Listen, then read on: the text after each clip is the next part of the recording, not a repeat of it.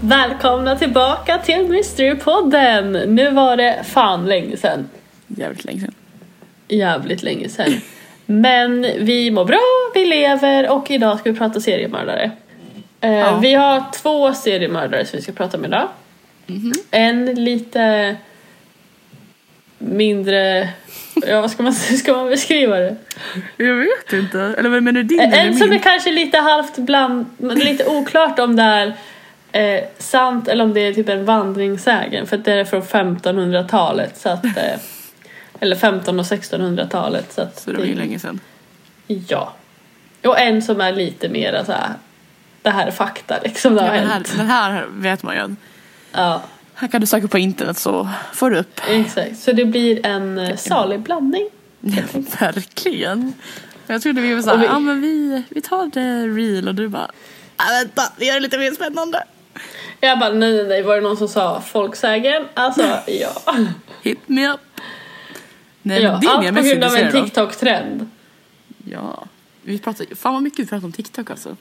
Jag vet men vi Vi älskar borde TikTok. sponsra oss. För att vi nämner det hela tiden. Exakt. Alltså vi, vi älskar TikTok. The dream collab. Ja, så ska jag inte. Nej men vad känner du? Vill du börja med din spännande seriemördare? Yes, och alla som då har hängt på TikTok den senaste veckan känner nog igen namnet The Muffin Man. Men det borde. Om Vad inte sa du? vet- Det borde de ju kunna tidigare om de inte kollar på typ Shrek. Ja, men alla kanske inte kommer ihåg att jag har varit med i Shrek. Vad fan, alla som är född innan 2000 borde göra det. Nej, jag gjorde inte det. Va? Ja, Det är det pepparkakan och den där, den där Farquaad sitter och pratar ja jag har sett det på TikTok sen men jag hade liksom inte ett minne av det. Oh my god, Elin! Okej, ja, ja, ja, ja. men då får Ja. du fortsätta berätta om för till di- dig och dina kompanjoner som inte vet. Ja, yes. Jag och alla andra som har bott under en sten eller har Alzheimers. Eh, det finns många versioner av den här berättelsen. Alltså det är ju liksom lite av sånt som går i folkmun. Men The Muffin Man, som även är känd som The Drury Lane Dicer, Eh, var den första kända seriemördaren i England. Hans namn var Frederick Thomas Linwood och han föddes 1563 och dog 1612. Eh, det finns många redogörelser för Linwoods brott men inga bevarade register. Eh, så antingen så är det här en folkhistoria eller så är det ett av historiens mest läskiga mysterier. I gamla England var det vanligt att eh, man fick färsk mat levererad till sitt hem. Eh, typ som du vet The Milkman i, i USA på 50-talet, att man lämnade mjölk utanför dörren. Jag bara, det hade Fast de det här också. gjordes med, vad sa du? Jag bara, det hade hade de i England också ju. Ja, men nu var det USA jag tänkte på för att få en bild. Okej. För när man tänker på The Milkman så tänker i alla fall jag på USA. Jag tänker bara på, jag tänker bara på England. Ja, då fick de i alla fall eh, bröd och sånt till dagens måltider utanför dörren. Eh, och en, på ett populärt alltså, morgonbröd var muffins. Men de var liksom mer som så här muffinsbröd och inte såna här liksom söta muffins. Liksom. Eh, och The Muffin Man gjorde sina leveranser precis som alla andra bagare. Men han lockade bort barn från deras hem genom att han knöt ett snöre runt de här muffinsarna och så drog han dem från trappan när barnen såg dem så att de liksom följde efter. Och jagade de här muffinsen vilket de tyckte var eh, eller vilket an- barnen antagligen tyckte var ett roligt spel eller en rolig lek. Eh, och han ledde då dem till sitt bageri där han sen dödade dem. Men innan han dödade dem så torterade han dem. Han uppskattade inte heller hård konkurrens. Utan han, så han mördade även bagare. Alltså andra bagare. Ja. I alla fall så som den här berättelsen går. Och eh, livet för en bagare i England på, under den här tiden eh, var inte det trevligaste. Eh, till att börja med så velar ju alla ha sitt bröd levererat i princip. Eh, medelklassen hade råd att få färsk mat levererad till sina hem. Eh, och under olika tider på året så kunde ju de här brödleveranserna alltså skjuta till höjden. Och eh, bagarna på den här tiden, obviously, hade ju inga elektroniska hjälpmedel som vi har idag. Och de flesta hade inte råd att anställa personal. Så de gjorde ju allt arbete själv. Vilket innebar att deras skift oftast började runt 10 eller 11 på natten eller kvällen. Enda tid de hade för sömn var medan degen jäste. Och att arbeta under så ansträngande omständigheter innebar vanligtvis att kvaliteten på brödet inte var speciellt bra. Till exempel var vissa bagare tvungna att dubbla tiden och hinna ikapp med sina beställningar och därav knådade de degen med fötterna. Mysigt. Ja. Mellan åren 1589 och 1598 mördade Linwood 15 barn, sägs det. Och hans butik var en populär plats för barn att besöka där de sprang omkring och orsakade förödelse. Vilket oövervakat barn skulle inte springa runt i ett bageri egentligen? Alltså det, det fanns nog inte jättemycket annat kul att göra på 1500-talet som ett barn. Förmodligen så ville då The Muffin Man, eller Linwood, eh, att barnen skulle hålla sig borta från hans butik. Och det var ju då han kom på den här planen att eh, eh, locka barnen dit avsiktligt för att eh, sen slå dem medvetslösa. Enligt legenden så använde han träsked för att slå, eller en träslev, för att slå barnen medvetslösa. Men experter har länge tvivlat på att en träslev skulle räcka för att göra en person medvetslös.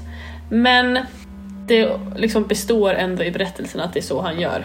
Så han dödade då sammanlagt 15 barn och 7 bagare mellan åren 1589 och 1598.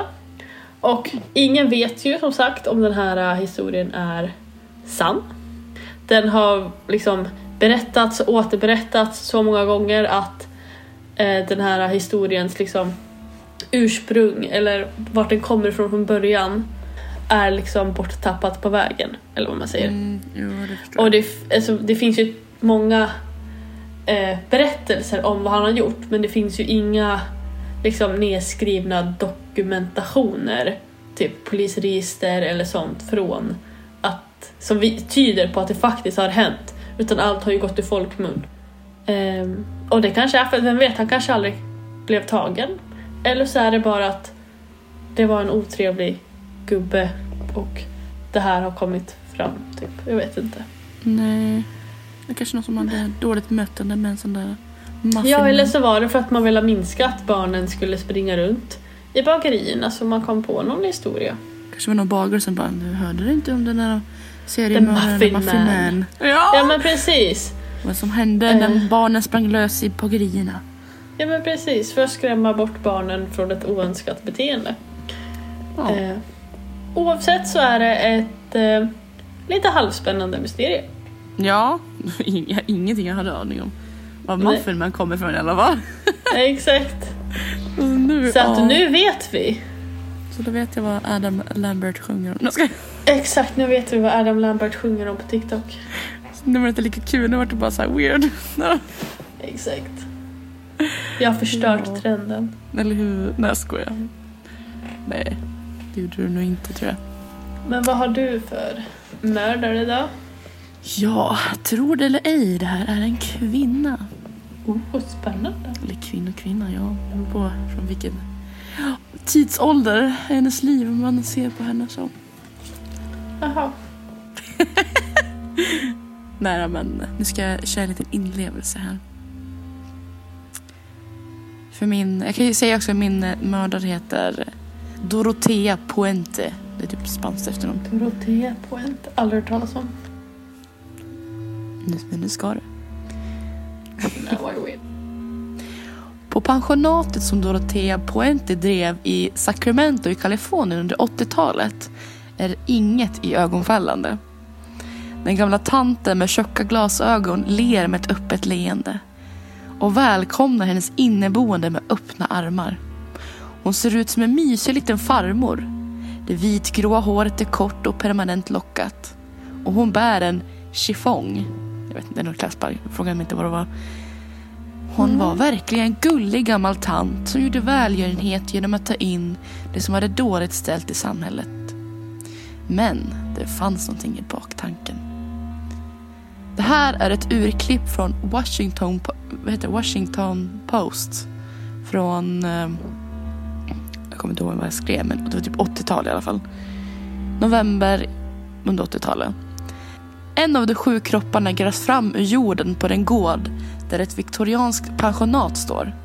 Polisens kriminaltekniker är på plats. De tittar ner och ser ner i graven. Där ser de en kropp som påbörjat nedbrytningen. Rättsläkarna konstaterar att kroppen tillhörde en kvinna. Kroppen saknade händer, fötter och huvudet. Vid senare bedömning kunde man inte se om det hade avlägsnats efter eller innan personen var avliden. Kroppen tillhör en kvinna i åldern 50 till 60 år och blev den enda kroppen som utsattes för fysiskt trauma. Berättar Sacramentos rättsläkare Charles Simmons som är publicerad i tidningen 22 november 1988. Och sen tillbaka till Dorotea. Dorotea föddes som Dorotea Helen Gray den 9 januari 1929 i San Bernardino i Kalifornien. Hon var det sjätte barnet i föräldrarna Trudy och Jesse James Grays sjubarnaskara. Så familjen var stor men också ganska fattig. Mamma Trudy och pappa Jesse var inga superföräldrar. De båda var instabila och båda missbrukare. Och faderns jobb tog inte heller in särskilt stora summor pengar. Så om det fanns mat på bordet var det inte heller all- alltid ett faktum. Jesse var ofta aggressiv när han var onykter. Men det fanns även tillfällen då han riktade en pistol mot sitt huvud och hotade med att ta sitt liv. Oavsett om hans egna barn befann sig i samma rum. Men hoten Men gud vad hemskt. Mm. Men hotet varade inte särskilt länge. För när Dorotea var åtta år så dog nämligen hennes pappa. Inte på grund av självmord utan sjukdom. Han gick bort i tuberkulos. Dorotea och hennes sex andra syskon lämnades nu kvar i mammans vårdnad. Men Trudy var inte bättre än Jessie, utan hon hade också sina missbruk. Hon var alkoholist och brukade lämna sina barn ensamma hemma.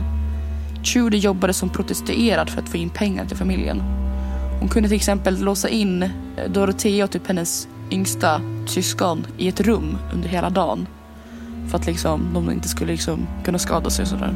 Men gud. Mm. Och vid nio års ålder, och, eh, varav ett år efter faderns död, förlorade också Trudy vårdnaden för barnen. Och inte långt därefter så, så var Trudy med om en motorcykelolycka och avled. Så syskonen var nu föräldralösa och splittrades och placerades ut i olika, till olika familjemedlemmar. Och Dorotea placerades in i olika fosterhem i Napa i Kalifornien.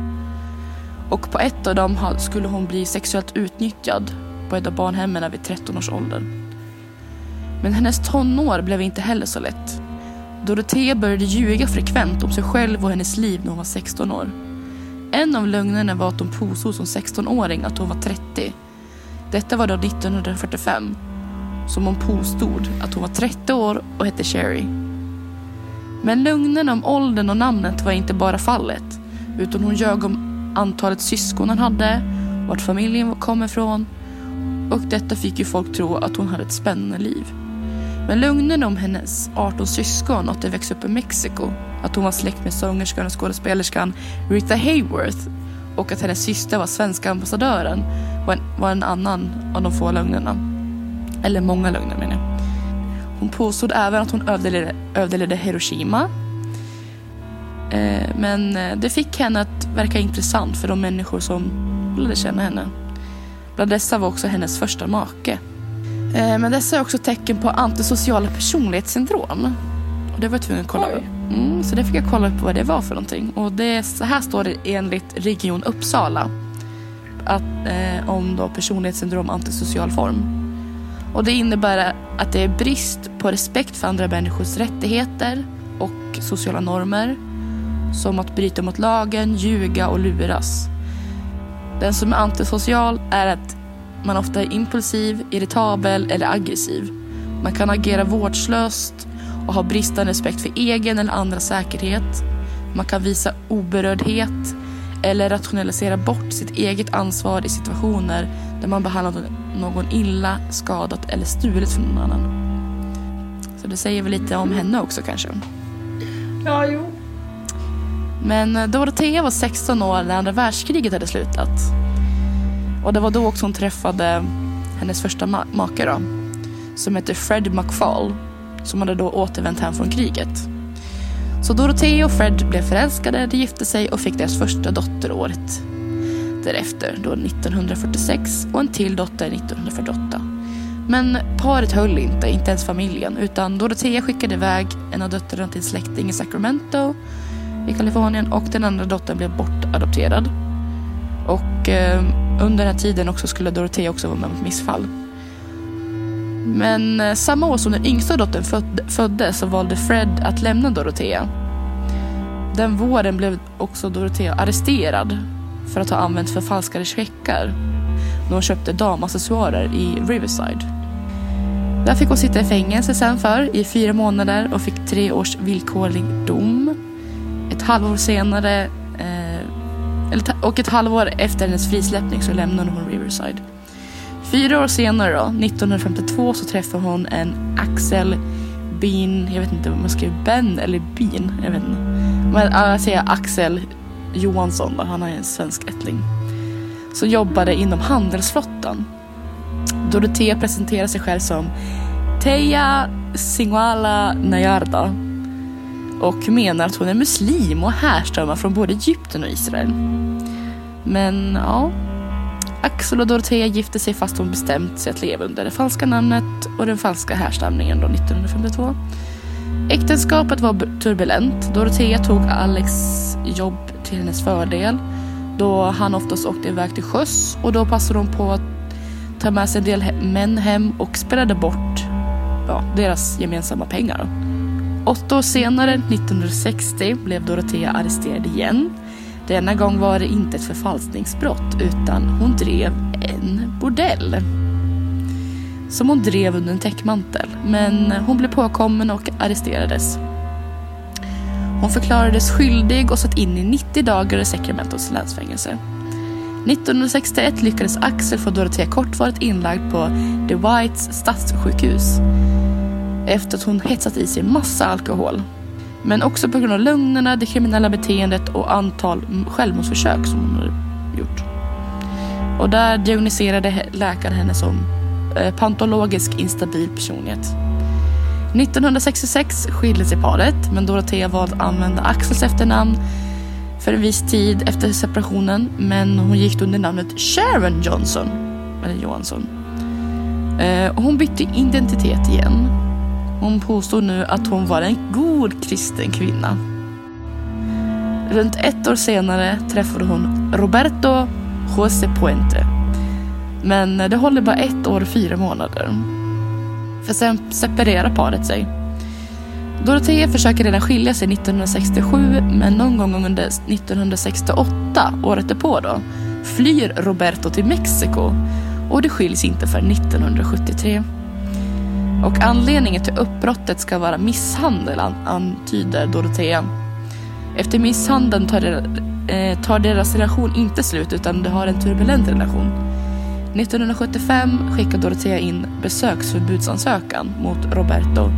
Men hon väljer dock att använda hans efternamn Puente i mer än 20 år. Och eh, 19... Det är lite konstigt. Ja, det är lite så här, hmm. Lite sus. Ja, lite sus.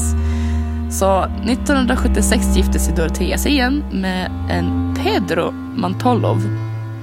Men äktenskapet varade bara några månader. Anledningen var att Pedro var en aggressiv alkoholist och våldsam. Eller han, han var våldsam. Efter skilsmässan spenderar hon i lokala barer i stan och letar efter äldre män att luska fram deras pengar. Detta gjorde hon genom att förfalska deras signaturer och stal deras pengar. Hon fälldes för 34 fall av stöld, stölder av pengar och hon fick skyddstillsyn som straff. 1981 då Dorothea var 52 år gammal hyrde hon en lägenhet på 1426 F Street i Sacramento. Sedan började hon hyra, hyra hela huset. Detta blir huset som hon driver ett pensionat i, i Sacramento. Den, huset hade tre våningar och 16 sovrum. Här ville hon ge ett hem för de hemlösa, missbrukare, äldre och personer med psykiska. Eller funktionshinder. I april 1982 började 61-åriga Ruth Monroe bo som inneboende hos Dorothea. Men det varade inte länge då hon senare dog av en överdos på Tylenol och kodein som båda är smärtstillande läkemedel. Och eh, Dorothea berättade då till polisen att Ruth hade varit deprimerad på grund av Ruths man hade varit kroniskt sjuk en tid. Och polisen valde då att gå vidare med dödsfallet som ett självmord. Ett par veckor senare blev polisen tillbaka ringda till Doroteas pensionat. Den här gången hade en 74-årig man vid namn Malcolm Mackenzie anklagat Dorotea för att försökt droga honom och rånat honom. Eh, hon blev anklagad för tre stölder den 18 augusti 1982 och får fem års fängelse. I fängelset började hon brevväxla med en 77-årig man vid namn Everson Gilmouth som bodde i Oregon. Efter tre år i fängelse fick Dorothea en, en eh, villkorlig frigivning på grund av att hon skötte sig i fängelse. Och när hon släpptes ut så väntade Everson på henne. Och tillsammans senare öppnade ett gemensamt bankkonto. De planerade bröllopsplaner och de flyttade in i hennes gamla lägenhet på 1426 F Street. Och i november 19, 1985 anställde Dorothea en man som heter Ismael Flores som skulle sätta dit träpaneler i hennes lägenhet. Hon betalade honom för jobbet och gav honom 800 dollar extra. Men inte bara pengar fick Ismael utan hon gav honom också en röd Ford pickup med en relativt ny årsmodell. Anledningen till att hon gav bort bilen enligt henne var att hon menade att den tillhörde hennes pojkvän i Los Angeles som inte längre behövde det. Tror du Elin att hon hade en pojkvän i Los Angeles? Nej, det tror jag verkligen inte att hon hade. Det hade hon inte. Men Eller någon av hennes offers bil. Kanske. Mm. Men Ismails jobb slutade inte här för Dorothea frågade om han inte kunde hjälpa henne bygga en låda. Lådan skulle vara 182 centimeter hög och en meter bred. Jag ser det i minen säger allt. Hon menade att hon... Vad ska hon ha i den? Ja, hon menade att hon behövde lådan för att föra böcker och andra saker. Så lådan byggdes och sen fylldes lådan med innehållet och spikades igen. Hon undrade också om inte Ismael kunde hjälpa henne att frakta lådan till ett hyresförråd. Vilket han gick med på och han följde, efter, eller han följde med henne. Men på vägen till förrådet bad hon honom att stanna och istället dumpa lådan i floden som rann på sidan av vägen. För det fanns en icke-officiell skylt för dumpning där. Men Ismael frågade varför eh, han skulle göra det och Dorotea menade att innehållet i lådan var bara skräp. I januari 1986 hittade en fiskare den dumpade lådan. Den mm -hmm. låg en meter in i flodbanken. Fiskaren misstänkte att det var någonting fel med lådan och larmade då polisen som kom till platsen. Polisen märkte snabbt vad innehållet i lådan var. Hint, det var inga böcker och annat skräp där i. Nej. I den låg en dålig nedbruten människokropp av en äldre man. Men han var oidentifierad då vid, tillf ja, vid det tillfället han hittades. Men det skulle ta tre år då, man kunde identifiera honom som Everson. Åh oh, herregud. Mm. Under tiden då Dorothea eh, eh, fortsatte driva hennes pensionat drog hon in pengar och skrev till Eversons familj och menade att han var sjuk och därför hade inte kunnat, kunnat kontakta dem förrän nu. Men hon drev in pengar av de inneboendes brev, särskilt där från staten som innehöll checkar med bidrag. Med pengarna behöll hon en stor del själv men gav ut en mindre summa av pengarna till dess rättfärdiga ägare. Fastän att olika personer som jobbar med att övervaka det som fått, fri, eller vad säger, fått villkorlig frigivning hade det bett henne att avstå kontakt med äldre och inte hantera checkar från staten. Hon lyssnar inte på dem eller? Nej. Men, och inget heller ledde någonstans. Men många av hennes grannar började tycka att Dorotea var lite knepig. Detta gällde när, detta gällde när hon adopterade in en hemlös alkoholist. Och han skulle bli hennes nya hantverkare och han kallades för Chief. De två började gräva nere i källaren tog bort både jord och skräp från egendomen. Chief lade ett nytt cementgolv i källaren och sen försvann han därefter. Eh, och två år efter dumpningen och mordet på Everson Gilmouth i november 1988 så försvann en annan av hennes inneboende. Detta var Alvaro Montoya som hade en in, intellektuell funktionsnedsättning och led av schizofreni.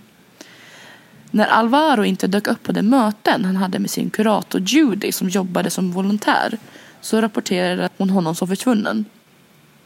Dorotea menar att Alvaro hade åkt på semester till Mexiko med sin bror. Men Judy visste att han hade varken kontakt med sin bror eller övrig familj. Och Judy pratade också med ett annat inneboende vid namn John Sharp. Och han berättade att det var någonting fel. Och att Dorotea hade grävt massa hål på gården. Då besökte polisen och började leta efter eller leta på hennes egendom och fick hitta spår efter, efter Alvaro.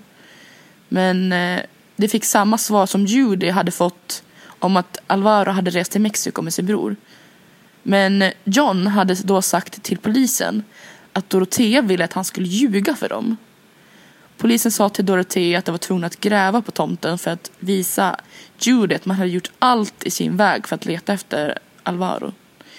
Dorotea skulle då till och med erbjuda dem en spade inför uppgrävning av tomten. Så man började gräva. Och samtidigt som man gräver på tomten så står Dorotea och typ stirrar ut genom fönstret. Alltså för att övervaka dem liksom. Mm. Och i jorden hittar man bitar av kläder, äggskal och kött som liknar köttet beef jerky. Så man tror ju först att det är just skräp. Men sen hittar man den första kroppen och då visste man att det där köttet måste vara mänskligt. Åh fy fan. Och i jorden fann man totalt sju begravda kroppar. Kropparna var inlindade i lakan och plast. Man fann också att offren hade dött av överdosering. Vilket hon hade drogat dem med till döds. Men gud. Eh, och hon ska själv ha slä släpat kropparna ut till det hål hon har grävt upp. Sedan grävt ner dem. Man misstänker först inte Dorotea för hon var rätt gammal. Eh, och det kunde vara någon av de inneboende. Men man tog ändå in henne på förhör under början av utredningen. Och så fort polisen släpper henne berättar hon att hon ska gå och köpa kaffe vid ett hotell. Men sen flyr hon istället till Los Angeles. Och när hon är där eh, går hon bland annat, bland annat in på en bar och möter en annan pensionär. De sitter och pratar med varandra men det, det Dorotea inte vet är att den här mannen känner igen henne från nyheterna. Dorotea var då borta i fem dagar och under den tiden var hon efterlyst. Och den här pensionären han ringer efter polisen och Dorotea arresteras och blir åtalad för nio mord. På det man, fanns på, på det man fann på hennes gård och Everson, Gilmouth och Alvaro Montoya. Men hon förklarades bara skyldig till tre av morden. Jaha. Vilket jag tycker är fett sjukt egentligen. Jättekonstigt. Anledningen var dock att juryn var inte eniga om hon hade uträttat de sex övriga morden. Eh, Dorotea fick två livstider och satt inne på Kalifornien centrals kvinnoanläggning. Där hon satt till 27 mars 2011 då hon dog vid åldern 82 år. Men under den tiden när hon satt inne så fortsatte hon att påstå att hon var oskyldig Och hon insisterade. på att inneboende hade dött naturligt. Alltså av en naturlig orsak. Dorotea var 59 år då hon arresterades för drygt 30 till 40 år sedan. Eh, och då på den tiden var också, eller ja, äldre människor i, övrigt såg slitna ut och utseendemässigt och kroppsligt. tyngre jobb och hårdare levnadsstandard. Och man kan till och med se på mugshoten på Dorotea ser ut som en typ, ja men typ 65-75 plussare. Eh, och det här var alla offer då, man hittade då. Det var Everson Gilmouth 77, Ruth Moreau 60, eh, Leora Carpenter 78, Alvaro Montoya 51, Dorothea Miller 64, Benjamin Fink 55, Jen, James Gallup 62, Vera Fea Martin 64 och Betty Palmer 78. Det var mitt case tänkte jag säga. Men gud. Mm, så hon var en busy woman den där kan jag säga. Väldigt ovant ändå med en seriemördare som bara dödar pensionärer typ. Ja men de är ganska jämnåriga vill jag ändå säga att de var. Ja, men alltså en pensionär som dödar andra pensionärer liksom typ. Ja, Alltså, det var inte hon alltså, riktigt pensionär men hon var ju gammal liksom. och jag, alltså någonting annat jag tycker är konstigt det är att liksom att rättsväsendet, alltså även fast hon har gjort så mycket kriminella saker inte tänker att alltså någon håller koll på vad hon gör. Ja men exakt. Att de kanske tar de här äh, samtalen till hennes, äh, alltså att det är folk som har dött där hon har drivit pensionat, att det tar det lite mer seriöst liksom. Ja men det är lika med Från det, hon början. eh, Monroe.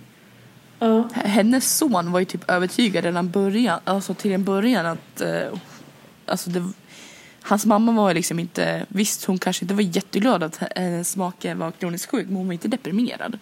Hon var inte, suicid, alltså hon var inte liksom självmordsbenägen. Nej. Och det var hon ju inte för det visade sig att eh, Dorothea var bakom det. Ja, Hon hade precis. liksom, alltså ja. Jag säger det bara, alltså jag tycker så synd stackars, alltså stackars Everson.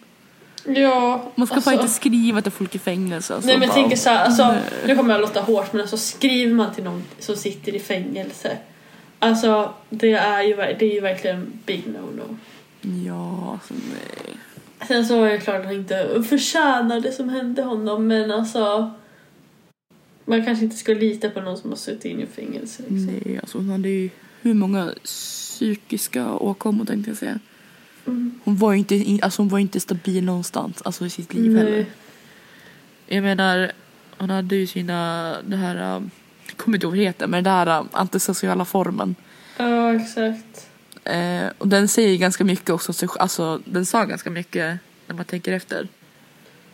Hon hade ju Mm. liksom ingen syn på andras säkerhet och Nej. allt, allt det där liksom. Och så bytte hon ju så mycket personligheter. Har väldigt mycket personlighet. Helt sjukt. Alltså, nå- alltså det, det är första gången jag läser så mycket om någon som har ljugit så mycket om sig själv. Ja men det är så här. Och varit gift flera gånger. jag tänker det är få delar av hennes liv som kan ha varit helt 100% henne. För det är många av hennes typ förhållanden och liksom äktenskap som hon har varit en helt annan liksom, identitet. Ja, hon har varit muslim, liksom- hon har varit kristen. Alltså, Då ska man orka hålla koll på, ja just det, till den här mannen så sa jag att jag var kristen och uppvuxen här.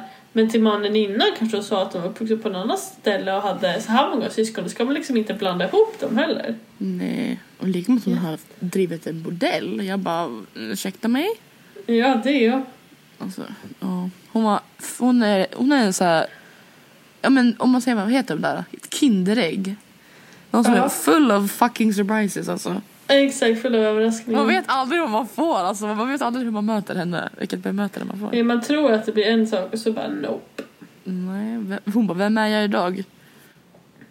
Jag Typ känner som mig Martin lite Morning. Som en Karin idag. Ja, men exakt. Martin Morning. Nej, ja.